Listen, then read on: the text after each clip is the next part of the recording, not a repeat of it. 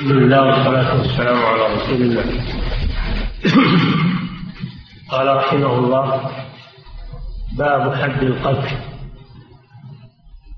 أي بيان العقوبة المقدرة في القذف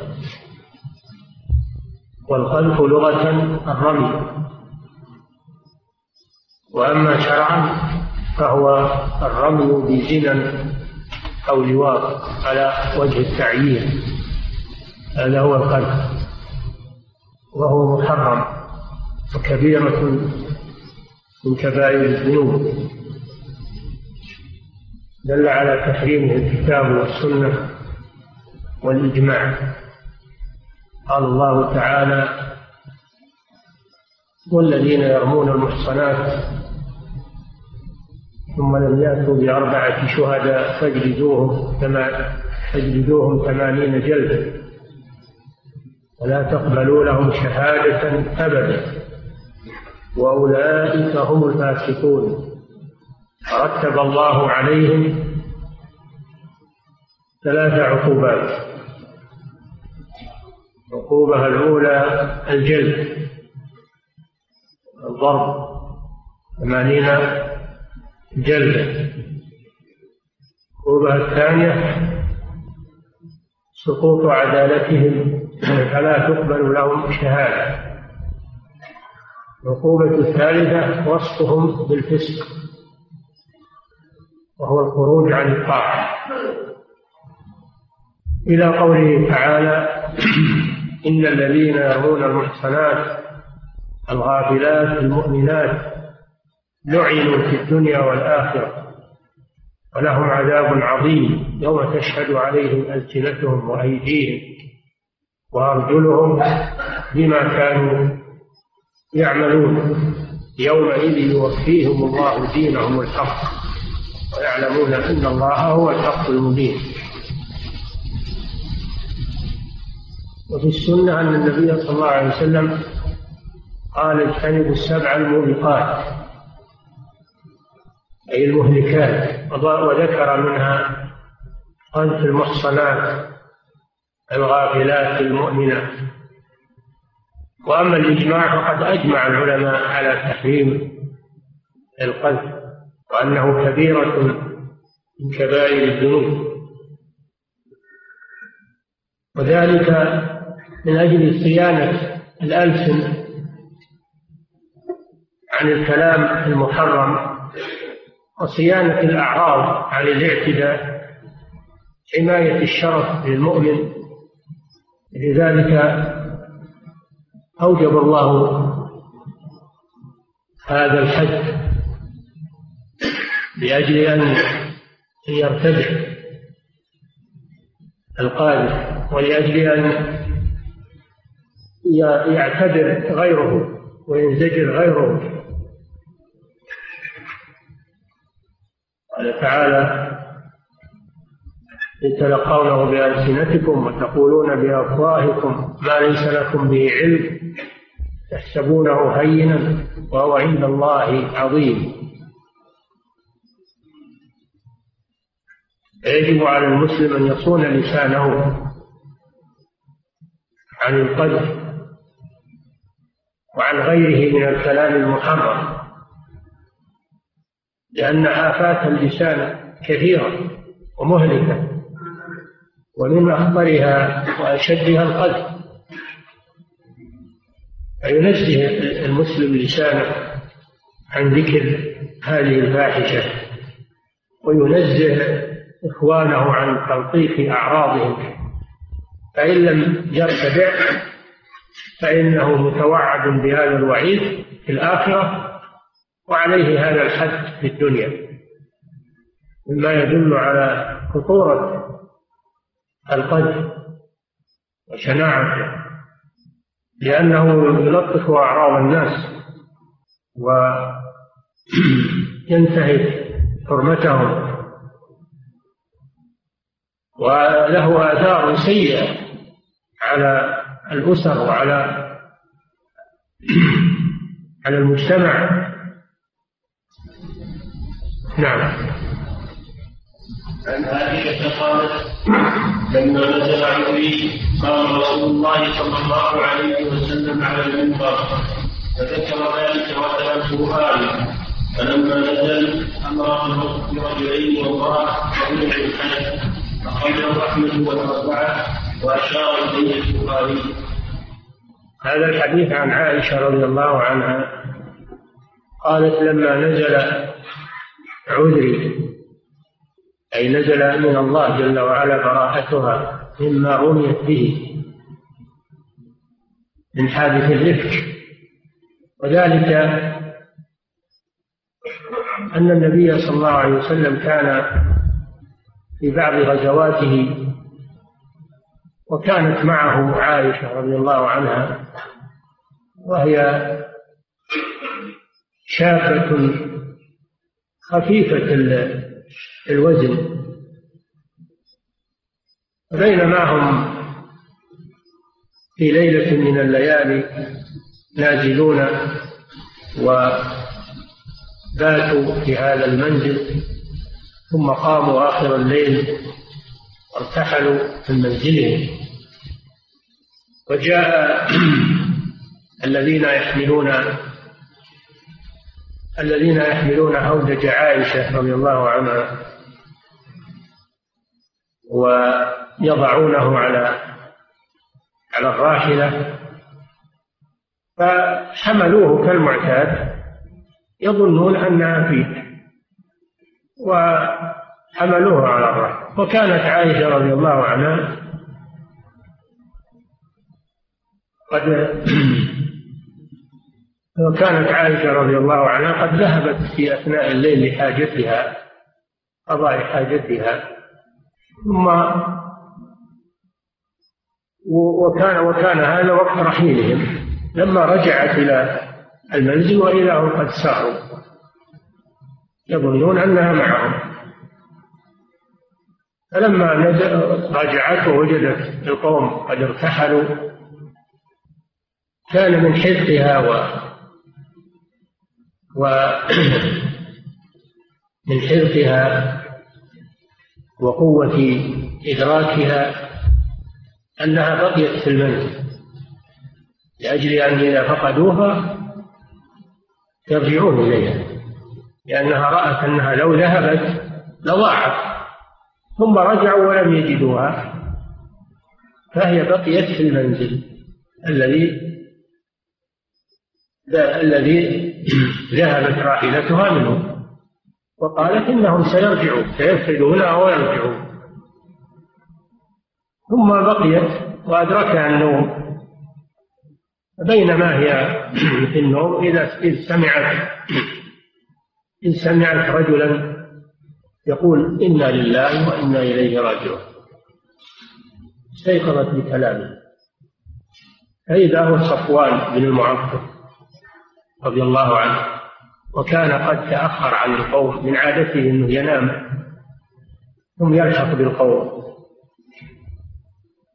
فلما مر على المنزل رأى فيه السواد رأى فيه السواد فأقبل عليه. فلما عرف أن هذا السواد أنه امرأة استرجع رضي الله عنه. فاستيقظت رضي الله عنها. قالت وكان يعرفني قبل أن ينزل الحجاب. خمرت وجهها لكن كان هو رضي الله عنه يعرفها أنها عائشة فاسترجع. ثم جاء وأناخ الراحلة فوطئ على على يدها ولم يكلم عائشة. فوطئ على يد الراحلة فعائشة دخلت ركبت. عائشة ركبت على الراحلة. ثم أثارها من من مكانها وجعل يقود الراحلة فيها. يقود الراحلة وسار في أثر القوم حتى أدركهم. ومعه عائشة رضي الله عنها. وكان وكان معهم منافقون. كان معهم منافقون. رأسهم عبد الله بن أبي بن سلول رأس المنافقين. ففرحوا بهذه الحادثة فرحوا بها وحاكوا حولها دعايات واتهامات وأنها قد تواعدت مع هذا الرجل وأنها بقيت تنتظره. وجعل المنافقون يشيعون هذا عن عائشة رضي الله عنها. لأن المنافقين دائما يتصيدون على المسلمين ويشيعون بينهم يشيعون بينهم آه، العداوة والبغضاء والنميمة والغيبة. همهم الإفساد همهم الإفساد بين المسلمين ويفرحون بها مثل هذه الحادثة لينسجوا عليها من الكذب أنهم لا يؤمنون بالله. ولا يؤمنون برسول الله صلى الله عليه وسلم. ويودون للمسلمين يودون لهم آه، النقص ويودون لهم الضرر. فوجدوها فرصة فرصة سانحة للكلام والقيل والقال. وصاروا يقولون الإفك والكذب إن الذين جاءوا بالإفك عصبة منكم لا تحسبوه شرا لكم بل هو خير لكم. والذي تولى كبره منهم هو عبد الله بن أبي له عذاب عظيم. فصاروا يتكلمون. صدقهم بعض المسلمين لأن المسلمين فيهم أناس مغفلون وناس يقبلون الكلام. قال الله تعالى وفيكم سماعون لهم يقبلون مثل الكلام هذا ينطلي عليهم. فدخل في فكرهم هذا وصاروا يتكلمون مع المنافقين. وتأزم الأمر. وبلغ ذلك عائشة رضي الله عنها. فأصابها الهم وأصابها الغم. وهي تعلم أنها بريئة ولكن لا تريد أن الناس يتكلمون فيها وإلا هي تعلم أنها بريئة. أصابها الغم. أصابها الحزن واشتد عليها الأمر وصار تبكي لا يرقى لها دم. تبكي. حتى أنزل الله هذه الآيات من قوله تعالى إن الذين جاءوا بالإفك عصبة منكم. إلى قوله تعالى أولئك مبرؤون مما يقولون. لهم مغفرة ورزق كريم. فلما نزلت براءتها من السماء فرح النبي صلى الله عليه وسلم فرح المسلمون فرحت عائشة رضي الله عنها فرحا شديدا حيث أنزل الله في شأنها قرآنا يتلى إلى يوم القيامة وفضح الله المنافقين وأخزاهم فالنبي صلى الله عليه وسلم صعد المنبر صعد المنبر في المسجد وأعلن صلى الله عليه وسلم براءة عائشة وقرأ الآيات قرأ الآيات. ثم نزل فدعا برجلين من المسلمين تكلم مع المنافقين وامرأة من المسلمين فأقام عليهما حد القاذف جلد كل واحد منهما ثمانين جلدة قوله تعالى والذين يرمون المحصنات ثم لم يأتوا بأربعة شهداء فاجلدوهم ثمانين فجلد هؤلاء المؤمنين الحد وترك المنافقين لأن المنافقين لا يطهرهم الحد. وهؤلاء مؤمنون تكلموا بغير علم وليس ذلك لنفاق أو لنقص في إيمانهم ولكن تأثروا بالشائعات الشائعات تؤثر على الطيبين.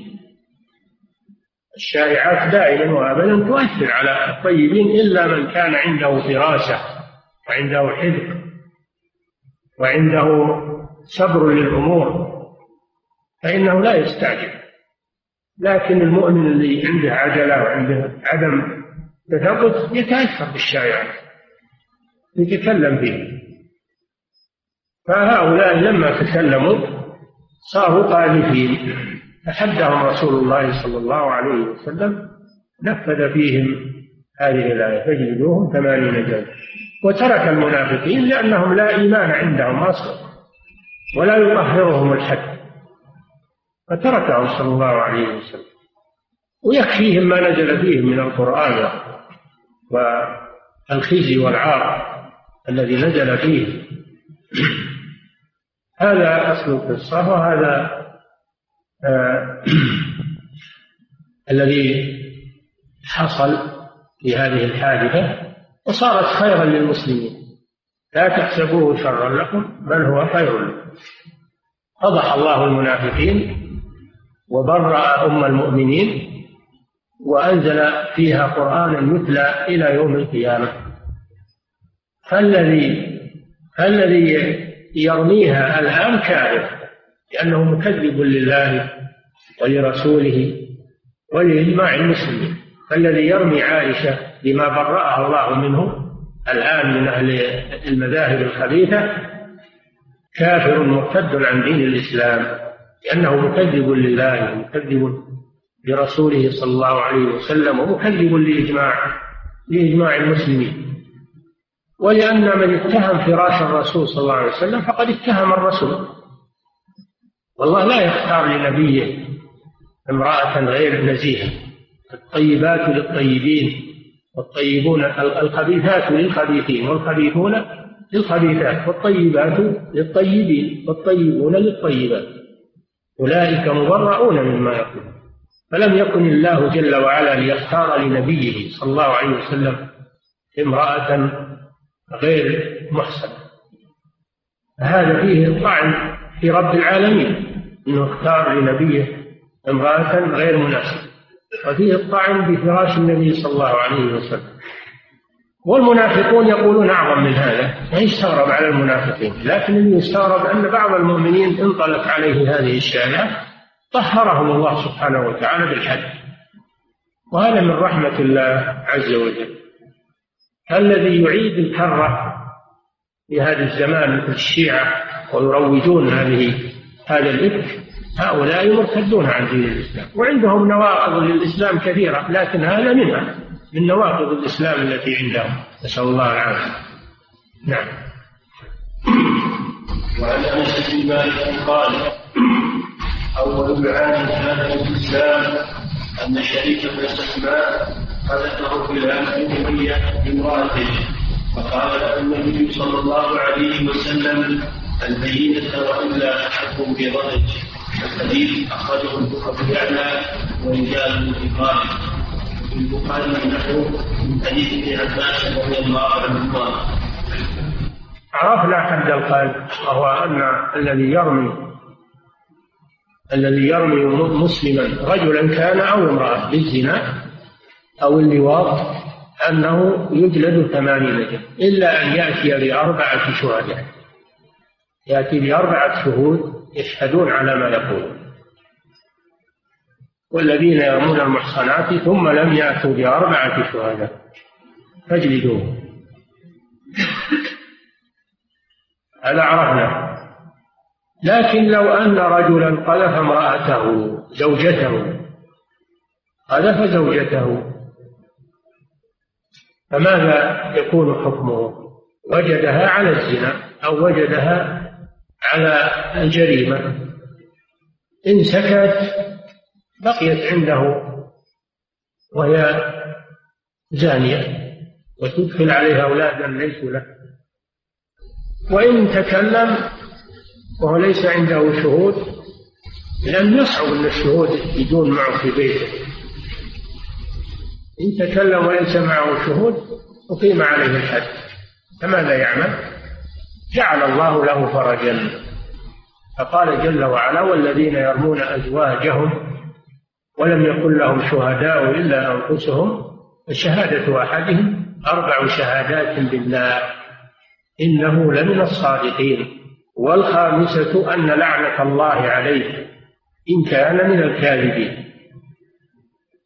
فإن لاعن وأتى بهذه الأيمان فإنه يطلب من المرأة أيضا أن تشهد أربع شهادات لله إنه لمن الكاذبين والخامسة أن غضب الله عليها إن كان من الصادقين. فإذا تم اللعان إذا تم اللعان على هذا النمط أربع شهادات من الزوج وأربع شهادات من المرأة فإنه يفرق بينهما إلى الأبد. يفرق بينهما إلى الأبد. هذا هو اللعان. ولا يكون إلا بين الزوج وزوجته. وإذا نكل وأبى أن يلاعن أقيم عليه الحد. أو هي نكلت ولاعن ولكنها هي نكلت فإنه يقام عليها الحد. وأما إذا تم اللعان بينهما على هذا الشكل الذي ذكره الله سبحانه وتعالى فإنه يفرق بينهما. وإن نفى الولد وقال هذا الولد ليس مني فإنه ينفى عنه. ينفى عنه ولا يكون ولدا له وإنما يكون ولدا لها هي. هذا هو اللعان ولا يكون إلا بين الزوجين.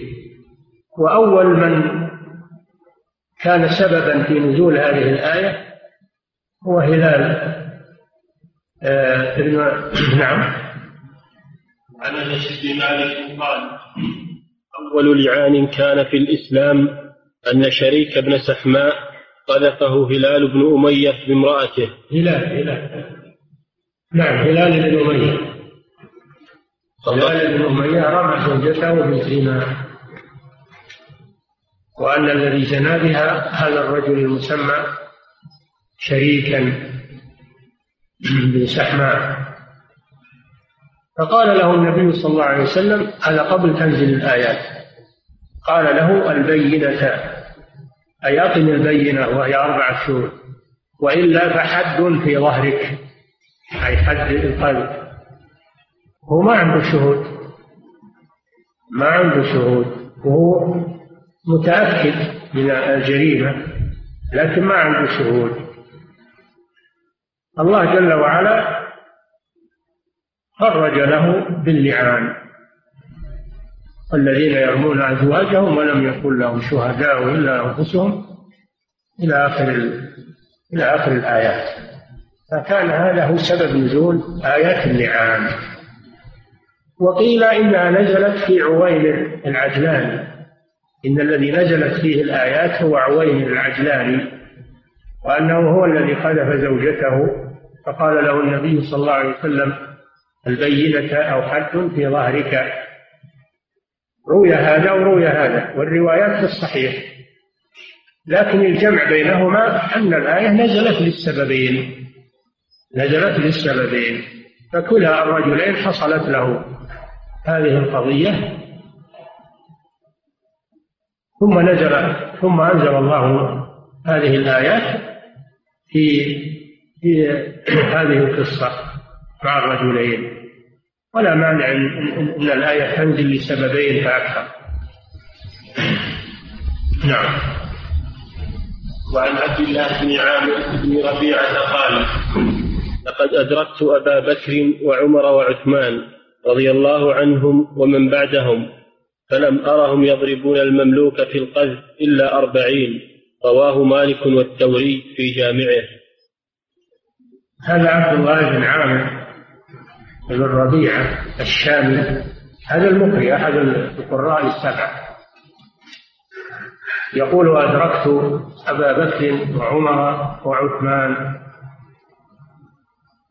أدركهم أنهم يجلدون المملوك في القلب أربعين يعني ينصفون ينصفون لأن الله نصف حد الزنا قوله فإذا أحسن فإن أتين بفاحشة فعليهن نصف ما على المحصنات من العذاب. هذا في الزنا. الزنا مئة جلدة للذكر وإذا كان الزاني أو الزانية أمة مملوكة فيكون على النصف.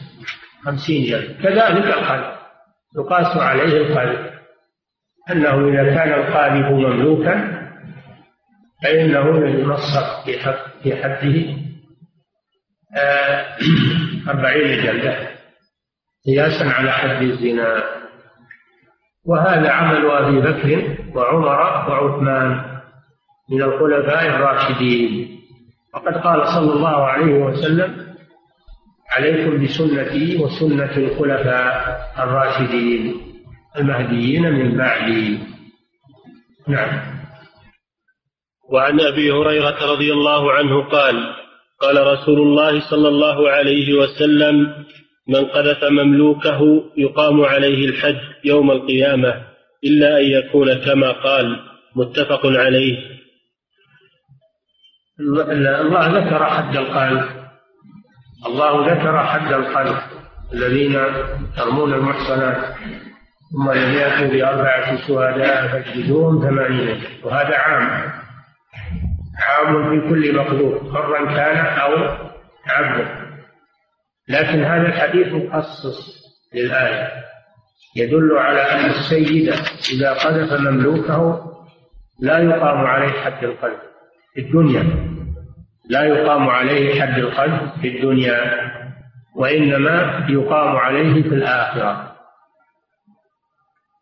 فهذا الحديث يكون مخصصا لقوله تعالى والذين يرمون المحصنات أنه إذا كان القالب مالكا وسيدا للمقذوف فإنه لا يحد في الدنيا ولكن عليه الوعيد في الآخرة. فلا يجوز قذف المملوك.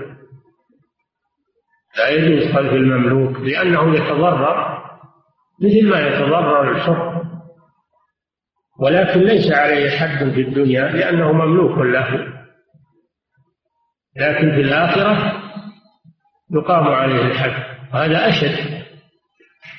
لأن المؤمن إذا أقيم عليه الحد في الدنيا إنه أسهل من الحد في الآخرة عقوبة الدنيا أخف من عقوبة الآخرة فلا يحسب السيد انه انه إنه يبرأ وأنه إذا لم يقم عليه الحد في الدنيا إنه يبرأ. بل هناك وعيد ينتظره عند الله سبحانه. في هذا صيانة الأعراض عموما المماليك والأحرار. نعم. باب حد السرقة. انتهى من حد القذف انتقل إلى حد السرقة.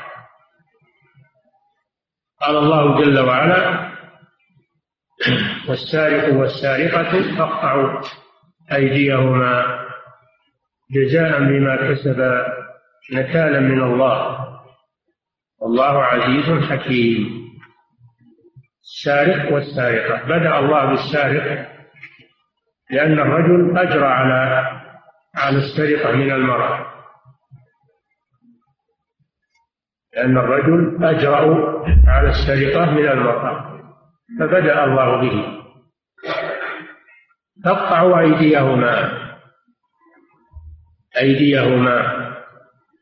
وقد بينت السنة اليد التي تقطع وحد القطع محل القطع أنها تقطع اليمنى اليد اليمنى وأن المحل القطع من مفصل الكف. لا من الكوع من مفصل الكف. فيقطع الكف. ويبقى الذراع. هكذا بينت السنة. القطع. وفي بعض القراءات والسارق والسارقة فاقطعوا أيمانهما. لكن القراءة المعروفة والمشهورة فاقطعوا أيديهما. فسرت السنة ذلك.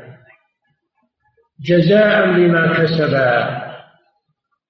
هذا القطع لهذا العضو الثمين جزاء بما كسب من السرقة والاعتداء على أموال الناس. فاليد ثمينة وفيها نصف الدية ولكن إذا خالت فإنها تهون على الله سبحانه وتعالى وتقطع. في ربع دينار كما يأتي. فكيف إن إن ديتها ديتها نصف الدية خمسون من الإبل والآن تقطع إذا سرقت ربع دينار؟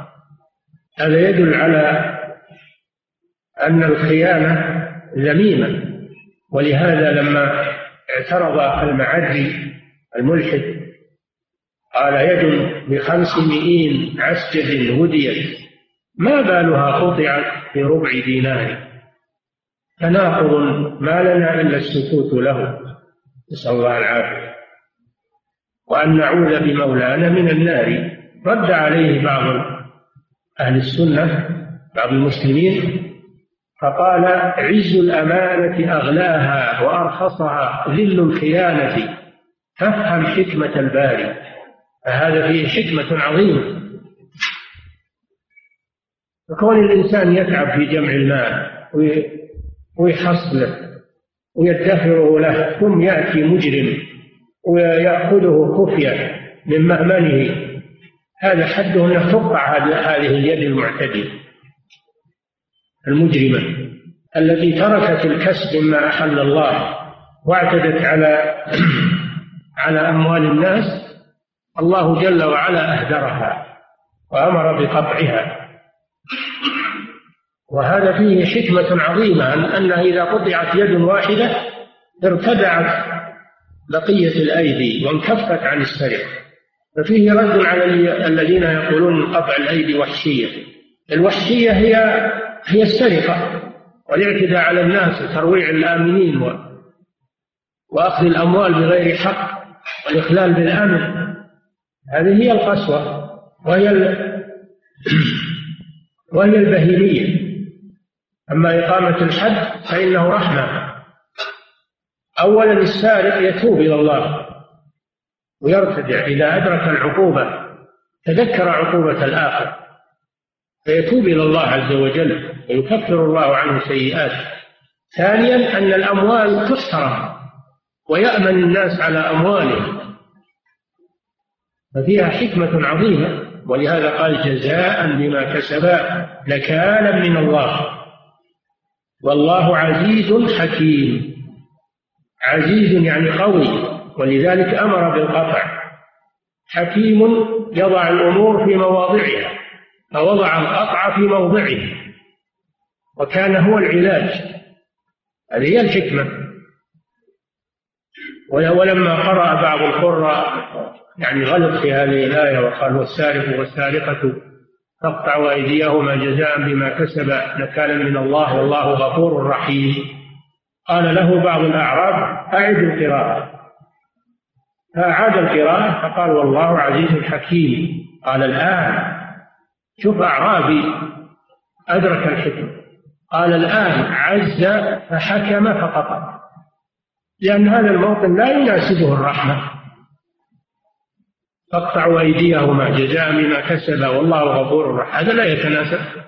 يتناسب معه والله عزيز حكيم. عزيز يعني قوي سبحانه وتعالى لأن هذا الحد فيه قوة وفيه صرامة. حكيم وضع هذه العقوبة في موضعها اللائق هذا ختام الآية وليس ختامها أنه غفور رحيم. الله غفور رحيم سبحانه. لكن ليس هذا موضع المغفرة والرحمة. والأسماء والصفات يتابع في مواضعها اللائقة بها. والله عزيز حكيم. والسرقة كما عرفها العلماء يقولون هي أخذ مال من حرزه على وجه الخفية. أخذ مال من حرزه. من حرزه يعني من المكان المحفوظ فيه الذي يحرز فيه مثله. والحرز يختلف باختلاف الأموال. يختلف باختلاف الأموال. الذهب والفضة حرزهما الصناديق المغلقة. وغيرهما حرزه يكون مناسبا له. كل شيء له حرز يناسبه. فإذا أحرز الإنسان ماله جاء إنسان خفية متلصصا وأخذه حتك الحرز خلع الباب ولا ولا كسر الباب ولا تسور الجدار. وأخذ المال من حرزه خفية لا يراها أحد. هذا لا يردعه إلا القطع. قطع يده التي اعتدت هذا الاعتداء. أما لو كان المال في غير حرز وأخذه إنه لا تقطع يده لأن المفرط صاحب المال. لو أخذه من غير حرز لو وجد الدراهم أنها موضوعة في في غير حرز وأخذها فلا تقطع يد السارق لأنه لأن المفرط صاحب المال هو الذي هيأها للأخذ. أو أنه في حرز لكن جاء جاء الخاين جاء وأخذها مجاهرة صاحبها يرى يراه هذا ليس سرقة. هذا يعتبر اعتداء. يعتبر إن كان معه سلاح هذا يعتبر قاطع طريق. له حكم آخر حكم قطاع الطريق. وإن نهبه من صاحبه نهبه من صاحبه. هذا أيضا ليس سارقا. هذا يعتبر معتديا يعزر بما يليق به لكن لأن لأنه إذا أخذه بمرأة من صاحبه فبإمكان صاحبه أن يدافع بإمكانه أن يستنجد بالمسلمين يستنجد بقوى الأمن. لكن إذا أنه كان محرز وآمن وجاء واحد خفية وأخذ المال هذا هو السارق الذي لا يمكن مدافعته لأنه ما يراه وهو آمن على ماله محرزه ثم جاء وكسر الحرز هذا يدل على أنه متهور أنه لا تمنعه الحروز ولا فهذا تقطع يده. ولهذا جاء لا قطع على خائن ولا منتهد ولا مختلس لأن هؤلاء يمكن مدافعتهم. خلاف السارق فإنه لا يدرى عنه. يأتي مختفيا ويأخذ المال من مأمنه. نعم. عن عائشة قالت قال رسول الله صلى الله عليه وسلم لا تقطع يد سارق إلا في ربع دينار فصاعدا. متفق عليه واللفظ لمسلم والله تعالى الله تعالى قال والسارق والسارقة فاقطعوا أيديهما. ولم يبين ما ما مقدار المال الذي تقطع به اليد. فظاهره أنه يقطع في القليل والكثير. هذا ظاهر الآية. يقطع في القليل والكثير. لكن جاءت السنة المطهرة وبينت المقدار الذي تقطع به يد السارق وهو ربع دينار من الذهب. ربع دينار من الذهب.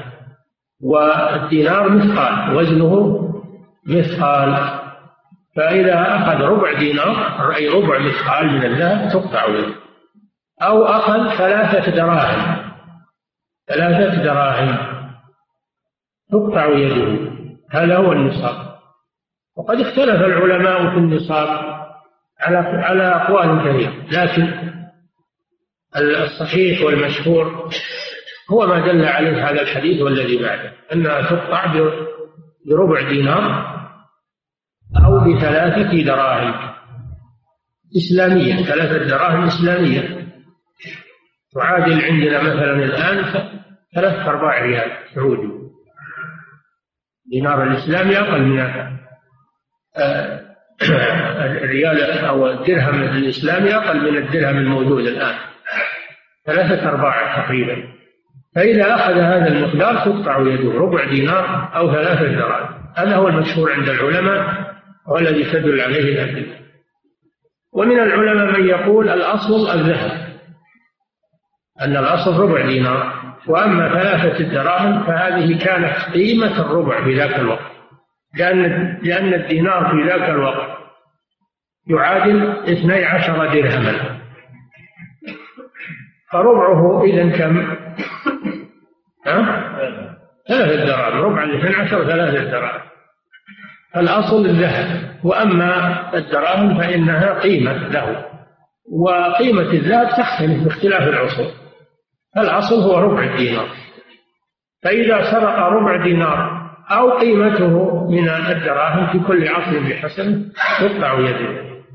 هذا قول ثاني القول الثالث وهو قول الحنفية وجماعة من العلماء أنه لا تقطع إلا بعشرة دراهم. بعشرة دراهم. ولا تقطع بأقل من ذلك. لأن هذا هو أكثر ما روي في الروايات والأصل عصمة عصمة اليد. فلا تقطع إلا بأكثر مبلغ روي. وأكثر مبلغ ورد هو عشرة دراهم. ولكن الصحيح هو القول الأول. أن النصاب ربع دينار أو ثلاثة دراهم.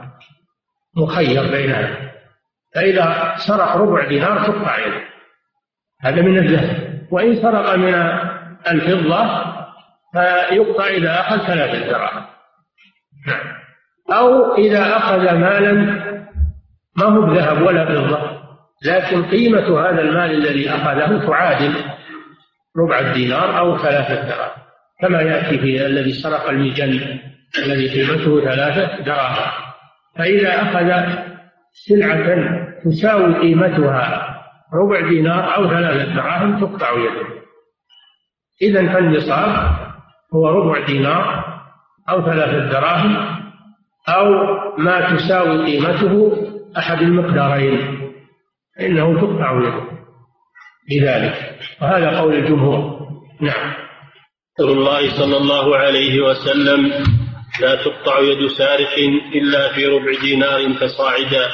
متفق عليه. صاعدا يعني فأكثر يعني الحد الأدنى ربع دينار. وإن زاد فهو من باب أولى. نعم. متفق عليه. واللفظ لمسلم. ولفظ البخاري.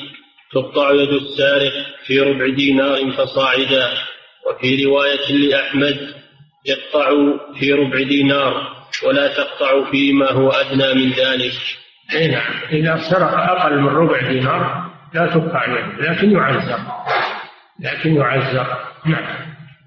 وعن ابن عمر رضي الله عنهما أن النبي صلى الله عليه وسلم قطع في مجن ثمنه ثلاثة دراهم. متفق عليه.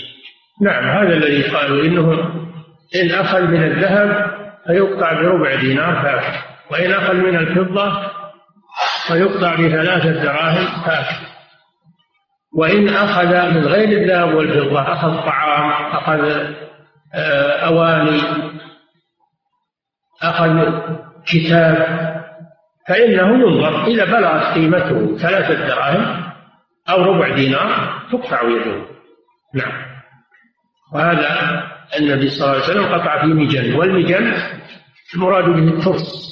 المجن الترس الذي يتخذه المقاتل حماية له من السهام هذا هو المجن سمي مجنا من الاجتلال وهو الاستتار لأنه يستر المقاتل عن السهام يجعله دون وجهه آه، ليدرأ به السهام. فلذلك سمي بالمجن نعم.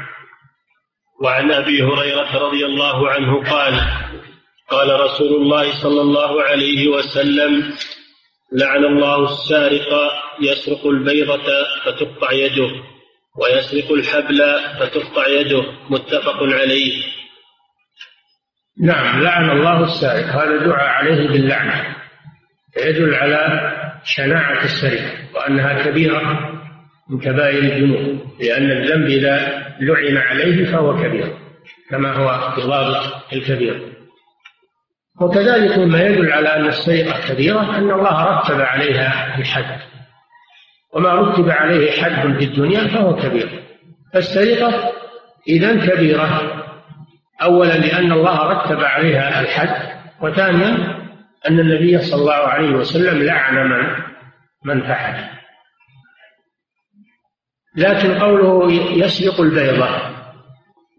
الظاهر بيضة الطائر هذا هو الظاهر. يسرق البيضة فتقطع يده. يسرق الحبل أي حبل فتقطع يده. مع أنه في الحديث الذي قبله لا تقطع الأيدي إلا في ثلاثة دراهم أو ربع دينار. وهنا يقول يقطع بالبيضة ويقطع بالحبل. فيدل على أنه يقطع بالقليل والكثير كما يقوله أهل الظاهر. الجواب عن هذا ما هو؟ الجواب قالوا هذا ليس فيه دليل على أنه يقطع بالحبل والبيضة يعني لذاتها وإنما هذا من باب التسبب أنه إذا سرق تجرأ على سرقة البيضة تجرأ على سرقة ما هو أعلى منها. يسرق البيضة فتقطع يعني فيسرق ما هو أكبر منها فتقطع يده. إن الإنسان إذا تساهل في القليل تجرأ على الكثير. فهذا من باب سد الذريعة أن الإنسان لا يتساهل بالسرقة مهما كان. يقول هذا الشيء سهل هذا قد يفضي إلى قطع يده في النهاية. تعود السرقة. الأول يأخذ بيضة ثم يأخذ قلم ثم بعد ذلك يأخذ ما هو أكبر من ذلك فتقطع يده. العبرة بالمآل هذا من باب الزجر. ولا يدل على أنه يقطع بالبيضة. لأن الأحاديث التي مرت تقول لا يقطع فيما هو أقل من ربع الربع دينار. وكذلك الحبل يتجرأ على سرقة الحبل والحبل رخيص لكن إذا تجرأ عليه تجرأ على ما هو أعلى منه. مثل قوله صلى الله عليه وسلم من بنى لله مسجدا قدر مفحص قطات مفحص قطات هذا ما يصلى فيه صغير. لكن هذا من باب الترغيب وأنه وإن وإن شارك في المسجد ولو مشاركة يسيرة يبني الله له بيتا في الجنة أو مثلا جيت مسجد ودفعت فيه ريال عن نية صادقة يبني الله لك بيتا في الجنة هذا من باب الترغيب في بناء المساجد وأن الإنسان لا يحتقر النفقة فيها ولو كانت ولو كانت قليلة. هذا من باب الترغيب. والذي معنا هو من باب الترهيب.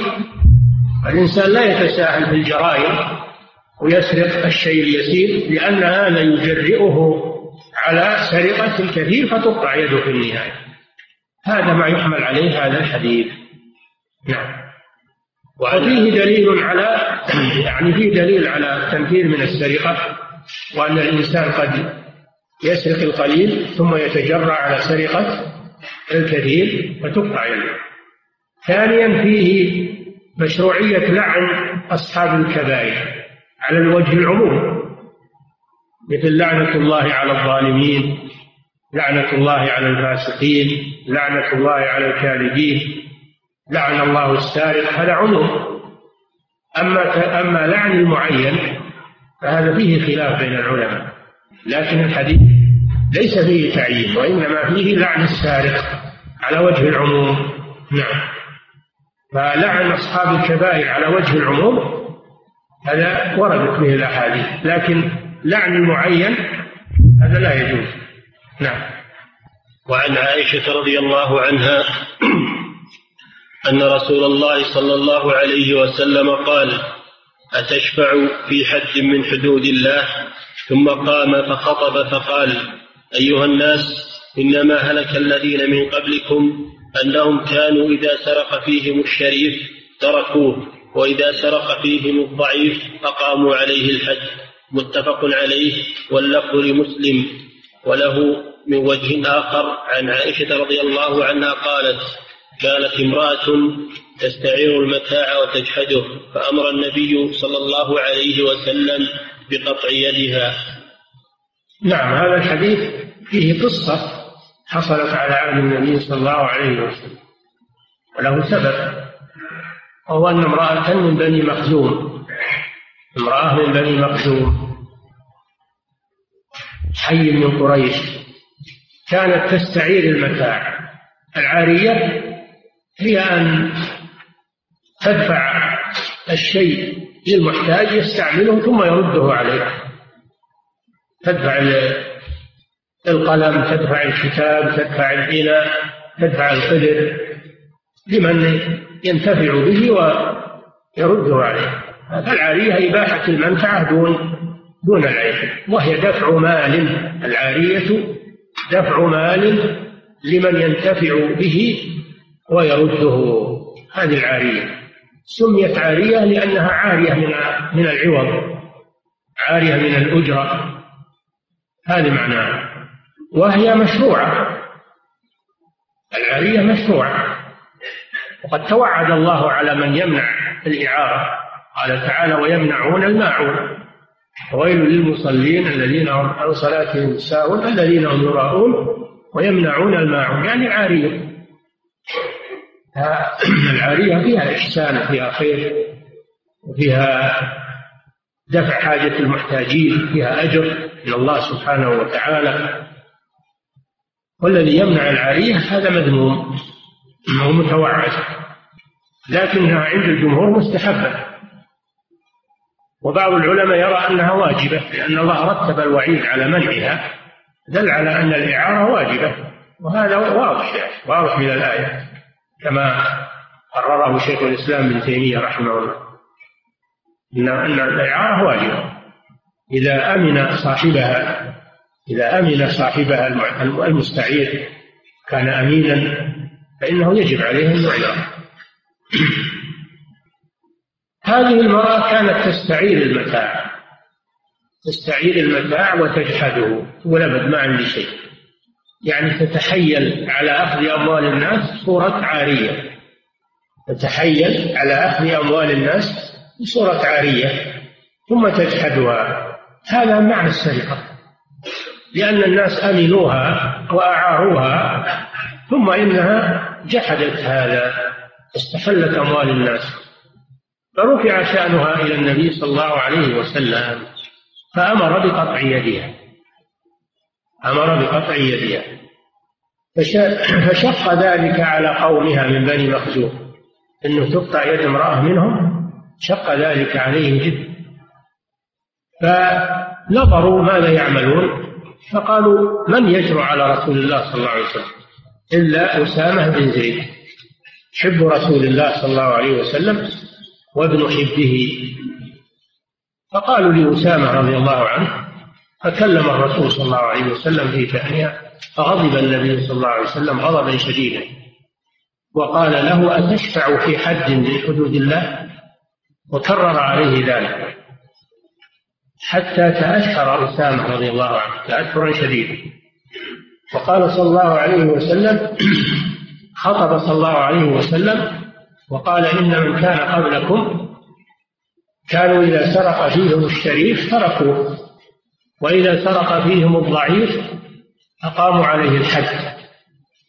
ويم الله لو أن فاطمة بنت محمد سرقت لقطعت يده. هذا أصل القصة. والمصنف ساقه للاستدلال به على أن جاحد العارية يقطع كما تقطع يد السارق. وهذا هو قول الإمام أحمد رحمه الله عملا بهذا الحديث. وقال الحديث ليس هناك شيء يدفعه. الجمهور قالوا لا ما يقطع بجحد العارية لأنها ليست سرقة. ولكن الرسول أمر بقطع هذه المرأة لأنها كانت تسرق كانت تسرق وأيضا تستعير. فهو قطعها من أجل السرقة لأنها كانت تسرق. وكانت تستعير فهو لم يقطعها من أجل العارية وإنما قطعها من أجل السرقة. ولكن هذا غير واضح. واضح ما ذهب إليه الإمام أحمد رحمه الله عملا بالحديث. فيكون الذي يستعير أموال الناس ويشحذها هذا بمنزلة السارق. لأن السارق أخذها خفية ومن مأمن وهذا مثله أخذها خفية ومن مأمن. أخذها تحت ستارة العارية. وهو يريد الخيانة فتقطع يده. هذا هو مدلول الحديث. تستعير المتاع وتجحده. فأمر النبي صلى الله عليه وسلم بقطع يدها نعم. وعن جابر رضي الله عنه. نعم. فضيلة الشيخ ما صفة اللعان التي تكون بين الزوجين؟ كما سمعتم صفة اللعان أنه يقوم الزوج ويقول أشهد بالله لقد زنت امرأتي هذه ويكرر هذا أربع مرات. وفي الخامسة يقول لعنة الله عليه إن كان من الكاذب ثم تقام هي وتقول أشهد بالله إنه كاذب فيما رماني بها به من الزنا. تكرر ذلك أربع مرات. ثم تقول في الخامسة وعليها غضب الله إن كان من الصادقين. هذه صفة اللعان. نعم. فضيلة الشيخ من يلمح ولا يصرح بالقذف هل يقام عليه الحد؟ فيه خلاف بين العلماء. يسمونها الكناية. يسمونها الكناية. إذا أتى بعبارة تدل على القذف لكنها غير صريحة. العلماء اختلفوا منهم من قال إنه يحد ومنهم من قال لا ما دام لم يتلفظ بالقلب فإنه لا يحد. نعم. فضيلة لكن يعزر لكنه يعزر. نعم. فضيلة الشيخ إذا كان حد القذف في المملوك نصف الحر في الجلد فكيف يكون حده إذا كان محصن؟ ليس عليه إلا الجلد محصنا كان أو بكرا لأن الرجم لا يتنصف. الرجم لا يتنصف. فيرجع إلى الشيء الذي يتنصف وهو الجلد. في البكر وفي الثيب بالنسبة للمماليك ليس عليهم رجم نعم. فضيلة الشيخ أيهما أفضل لمن تيقن زنا امرأته أن يلاعنها أو يطلقها؟ الأفضل أنه يطلقها سترا عليها. إلا إذا كانت يخشى من لحوق الولد به وهو يجزم منها الولد ما هو منه فإنه يلاعن من أجل أن يسلم من الولد. نعم. وإلا إن لم تكن حاملا فإنه يطلقها يستر عليها. نعم. فضيلة الشيخ إذا قلنا بأن الله اختار لنبيه امرأة غير غير صالحة فهذا قدح في الله فكيف الإجابة على زوجة نوح ولوط عليهما السلام؟ زوجة نوح ولوط عليهما السلام شريفتان في العرف إنما خانتهما في الدين فقط. كانتا كافرتين. خانتاهما يعني في الدين أما في العرف فهما نزيهتان.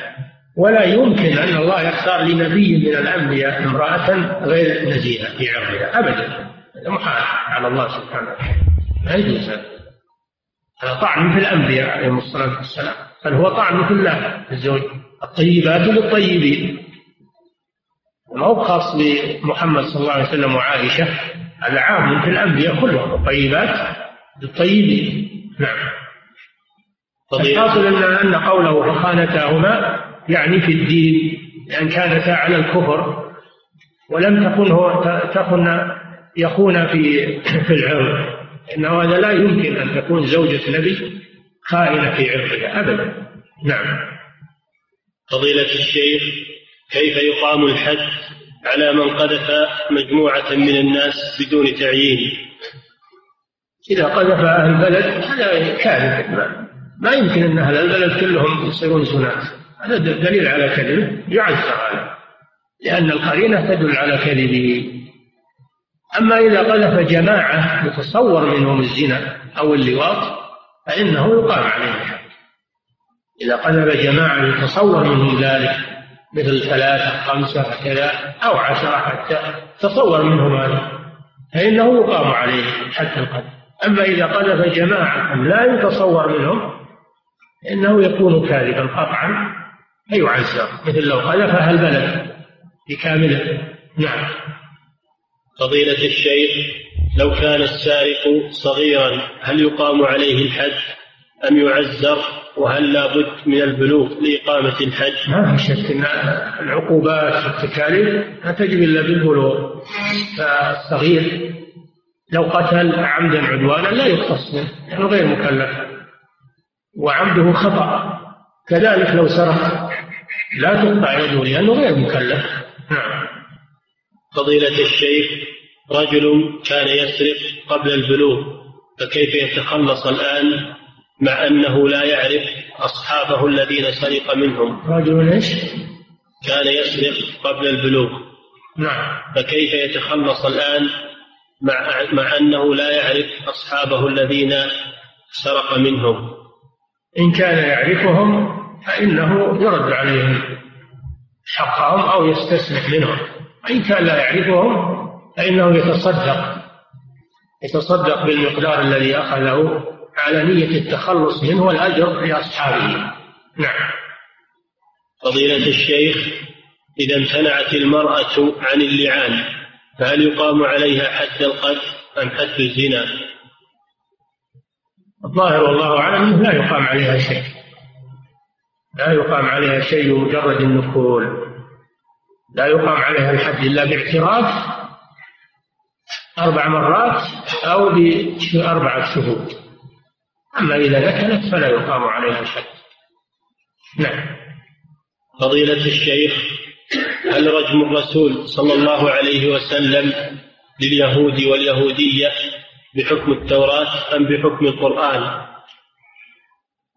الظاهر والله أعلم أنه بحكم القرآن لأنهم أهل ذمة قد التزموا بحكم الإسلام وهم من رعية الرسول صلى الله عليه وسلم يقام عليهم بحكم القرآن وأن يحكم بينهم بما أنزل الله. يحكم بينهم بما أنزل الله وهو القرآن. نعم هذا هو الظاهر. وإنما طلب النبي صلى الله عليه وسلم التوراة لأجل إقامة الحجة عليهم وإظهار كذبهم. إظهار كذبهم لما قالوا إنه يسود وجهه يطاف به وكذا وكذا. أراد صلى الله عليه وسلم أن يفضحهم وأن يبين كذبهم على كتاب الله أو التوراة. نعم. فضيلة الشيخ.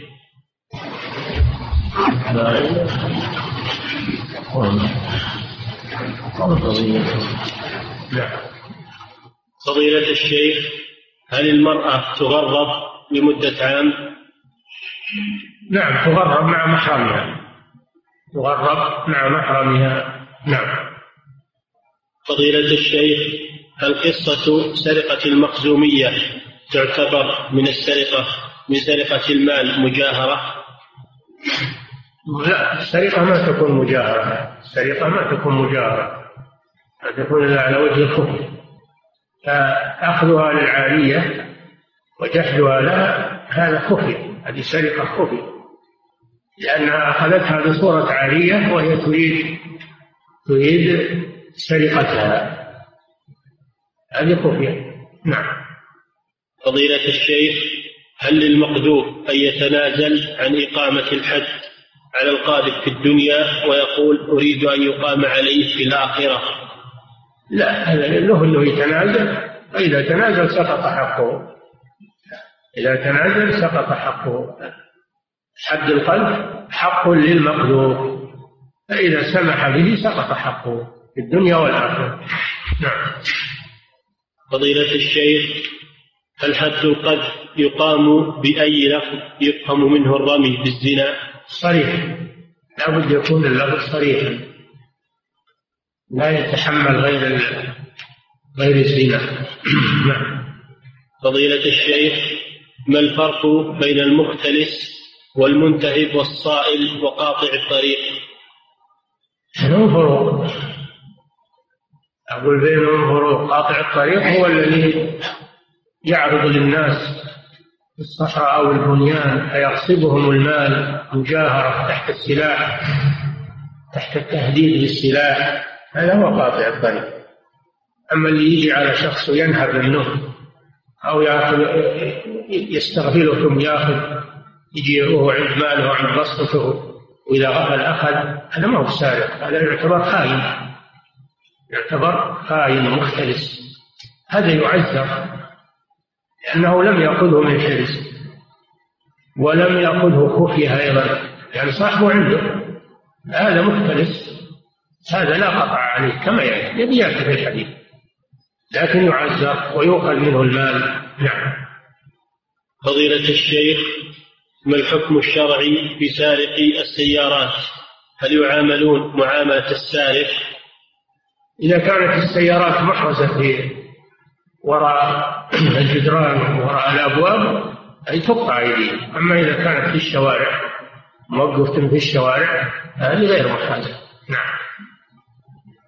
فضيلة الشيخ هل قذف أصحاب المعاصي المشهورة كالمغنيات والراقصات يوجب الحد؟ نعم هل قذف أصحاب المعاصي المشهورة كالمغنيات والراقصات يوجب الحد؟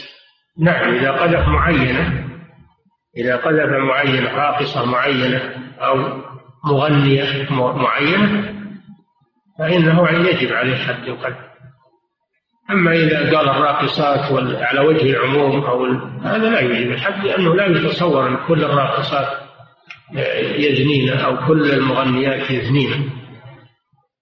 نعم. وكونها تغني أو كونها ترقص لا يدل على أنها تزني. الزنا قبيح شنيع. لا يدل على أنها تزني. الذي يرميها يستحق حد القتل نعم. إلا إن جاء بأربعة شهود. الراقصة مسلمة والمغنية مسلمة لا تخرج من الإسلام بمجرد الرقص أو بمجرد الغناء. تعتبر فاسقة أو عاصية ولا يستحل عرضها بالقلب. نعم. فضيلة الشيخ أليس المنافقون في الظاهر مسلمين وتجري عليهم أحكام الشريعة؟ فلماذا ترك الرسول صلى الله عليه وسلم حدهم مع أنه من شأنه عدم تسميتهم وتعيينهم؟ تجري عليهم أحكام الشريعة ما في شك إلا في مسألة في مسألة آه، حد القذف يكون هذا مخصص يكون هذا مخصصا لجريان أحكام الشريعة عليهم. ومن العلماء من يقول إنه ترك إقامة الحد عليهم لأن لهم أتباع ولهم قبائل. لو أقام الحد عليهم حصل فتنة من قومهم فدرءا للفتنة تركهم النبي صلى الله عليه وسلم. ويكفي ما ما ورد في حقهم من الوعيد في القرآن.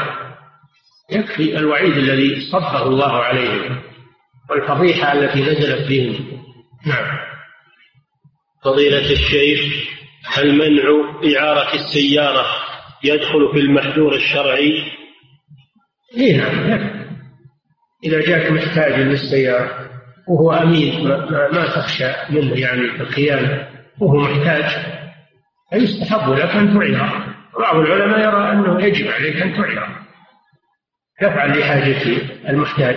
نعم. فضيلة كلمة الماعون في الآية لا تعني لا تعني خصوص الماعون وإنما تعم كل ما يعار. من الدلو والحبل والبكرة والإناء وغير ذلك مما يحتاجه الناس ولا ضرر فيه على المعين. نعم. فضيلة الشيخ هناك أجهزة كهربائية غالية الثمن وسريعة العقل فهل يجب إعارتها في هذه الحالة؟ إذا كانت تتلف إذا كانت تتلف للاستعمال لا. ما تعار مثل مثل الطعام. يجيك واحد يستعمل الطعام. الطعام يوكل يذهب. لا يرد عليك شيء. فإذا كانت تتلف هذه الأشياء بالاستعمال فإنها لا تعار نعم.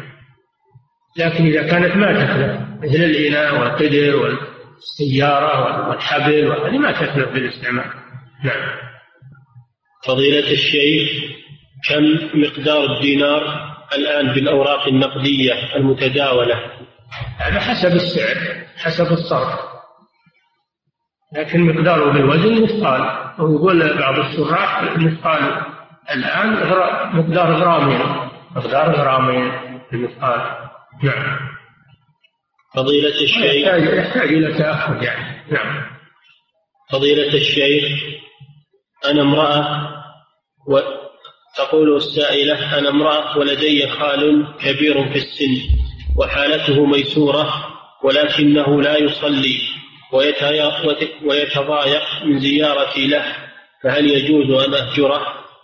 إذا كان لا يصلي ونصح فيه ولم يمتثل تجب مقاطعته. إلا إن كان يحتاج إلى طعام أو إلى شراب أنت تحسنين إليه. تحسنين إليه من باب الإحسان إلى المحتاج فقط. الله جل وعلا يقول وصاحبهما في الدنيا معروفا فإذا كان يحتاج إلى طعام وشراب أو فقير فأحسني إليه لكن مودته وملاطفته وزيارته هذا لا يجوز إلا مع النصيحة له لعله يتوب. نعم. فضيلة الشيخ ما حكم صلاة الغائب على الميت مع بيان تفاصيلها؟ الصلاة على الغائب فيها خلاف طويل بين العلماء. الصحيح أنه إذا كان الغائب له شأن في الإسلام كان يكون من علماء الإسلام أو من الأمراء الذين لهم شأن في الإسلام فإنه يصلى عليه صلاة الغائب. أما إذا كان عادي مسلم عادي فلا يصلى عليه صلاة الغائب لأن الناس كانوا يموتون على عهد النبي صلى الله عليه وسلم وهم غائبون ولا ولم يصلي عليهم صلاة الغائب إلا النجاشي لأن النجاشي له شأن في الإسلام نصرة المسلمين. إذا كان الميت له شأن في العلم أو في أو في السلطة ينفع المسلمين يصلى عليه صلاة الغائب مثل ما صلى النبي صلى الله عليه وسلم على النجاشي. نعم. فضيلة الشيخ هل الإغماء ينقض الوضوء؟ إذا كان كثيرا إذا إذا زال شعوره إذا زال شعوره انتقض الوضوء نعم لأنه إذا زال شعوره ما يحس ما يحس بنفسه ربما يخرج منه شيء وهو لا يدري. نعم مثل النايم. النايم ينتقض وضوءه لأنه لا لا يدري عن نفسه ولا يضبط نفسه. نعم. فضيلة الشيخ هل ورد أن المرأة أثناء ولادتها تكون مستجابة الدعوة؟ ما أعرف شيء من هذا. لكن الذي ورد أنها لو ماتت الولادة أنها شهيدة. إذا ماتت في بطنها فإنها تكون شهيدة لها أجر الشهيد. نعم. فضيلة الشيخ إذا صليت العصر ثم تذكرت بعد نهاية الصلاة أني لم أصلي الظهر فهل يسقط الترتيب أو أعيد صلاة نعم يسقط الترتيب بنسيان إذا ما إذا ما فطنت إلا بعد ما سلمت من العصر صلى الظهر بعدها ولا بأس. نعم. فضيلة الشيخ حديث عبد الله بن عامر قال أدركت أبا بكر وعمر وعثمان. الحديث في ترجمة الراوي أنه ولد سنة واحد وعشرين من الهجرة. فكيف يقول أدركت أبا بكر وأبو بكر قد توفي قبل ذلك؟ يكون يكون التحديد اللي قال إنه مولود كذا يصير مخطئ سهل الأمر سهل يعني. يصير الخطأ من اللي حدد الولادة. نعم. فضيلة الشيخ إذا نسي المصلي سجود السهو وطال الفصل فهل يعيد؟ لأن عبد الله بن عامر تابعي من التابعين. نعم. فضيلة الشيخ إذا نسي المصلي سجود السهو وطال الفصل فهل يعيد الصلاة؟ لا إذا طال الفصل أو انتقض وضوءه يسقط سجود السهو يسقط. صلاته صحيحة. نعم. فضيلة إلا إلا عند شيخ الإسلام رحمه الله فإنه يقول لا يسقط ولو طال الفصل. لو أخذ أيام وتذكر يسجد سجدتي السهو هي تبطل صلاته لكن يسجد سجدتي السهو الجمهور يقولون لا. إنها صلاته صحيحة ولا ولا يسجد للسهو لأنه فات محل السجود. نعم. فضيلة الشيخ إذا تذكر المصلي بعد السلام أنه لم يسجد إلا سجدة واحدة من الركعة الأخيرة فهل يعيد الركعة أو يأتي بالسجدة وما بعدها؟ يأتي بالسجدة وما بعدها التشهد الأخير ثم يسجد للسهو ويسلم ولا يعيد الركعة. فضيلة الشيخ ما الحكم إذا اشترط البائع على المشتري ألا يبيع السلعة؟ لا يصح الشرط. الشرط غير صحيح. لأنه ينافي مقتضى العقد. فالشرط غير صحيح. شرط فاسد. نعم. فضيلة الشيخ ما حكم البيع مع شرط البراءة من كل عيب؟ لا يصلح هذا. إن كان ما يعلم فيها عيب فالشرط صحيح. إن كان ما يعلم فيها عيبا. ويقول ترى الظاهر فيها عيب ترى ما علم. هذا الشرط صحيح. أما إذا كان يعلم فيها عيب وقال شرط البراءة من كل عيب وهو يعلم فيها عيب فالشرط غير صحيح. يثبت الخيار. العيب يثبت الخيار. لأنه كتم. لأنه علمه فكتمه. نعم. فضيلة الشيخ ما هي أفضل الشروح؟ التي شرحت كتاب بلوغ المرام. أصل الشروح بلوغ المرام آه، آه، شرح الإمام الصنعاني وأصله أصل الشرح بدر التمام البدر التمام لشيخ الصنعاني الشيخ الصنعاني فلان المغربي اليماني. جاء تلميذه الشيخ الإمام محمد بن إسماعيل الصنعاني فاختصره. واللي بأيدي الناس الآن المختصر الذي هو آه، سبل السلام. وهو شرح جيد. و ذكر لي أنه طبع الأصل اللي هو البدر التمام. ذكر لي أنه طبع. نعم. فضيلة الشيخ. عليه حواشي وعليه لكن أحسنها هو سبل السلام. هذا هو أحسن شروط نعم.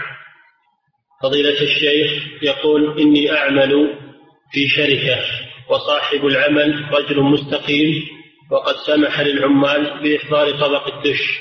وعندما نصحته بأن هذا لا يجوز قال إنهم يستمعون الأخبار فقط. وبهذا تنتهي الفتنة والعمال لديهم سكن وأنا أسكن معهم وغرفتي منفصلة عنهم فماذا أفعل؟ هل أسكن معهم أم أرحل؟ الأخبار يمكن يحصلون عليها من الراديو أو من. أو من التلفاز السعودي يحصلون على الأخبار من من غير القناة الفضائية. فقوله أنه من أجل الأخبار هذا غلط. الأخبار تحصل بدون هذا. وأما إذا كنت تسكن في غرفة مستقلة ولم تجلس ولا تجلس معهم فلا بأس تبقى في مسكن. تعتزلهم نعم. فضيلة الشيخ من مات دون سن البلوغ وقد دفن من غير صلاة ولا يعرف قبره من بين القبور فكيف يصلى عليه؟ إن كان الوقت طويل يعني فات وقت طويل زمان طويل انتهى لا يصلى عليه. لأنه فات وقت الصلاة. أما إذا كان الوقت قصيرا فإنهم يجتهدون في تحري القبر. ويصلون على القبر يجتهدون في تحريه ويصلون على القبر. نعم. فضيلة الشيخ لي أخ فصل من من الوظيفة وعليه دين وله خمس بنات ومستأجر فهل يجوز أن أدفع زكاة مالي له علما أن والدي لا يستطيع القيام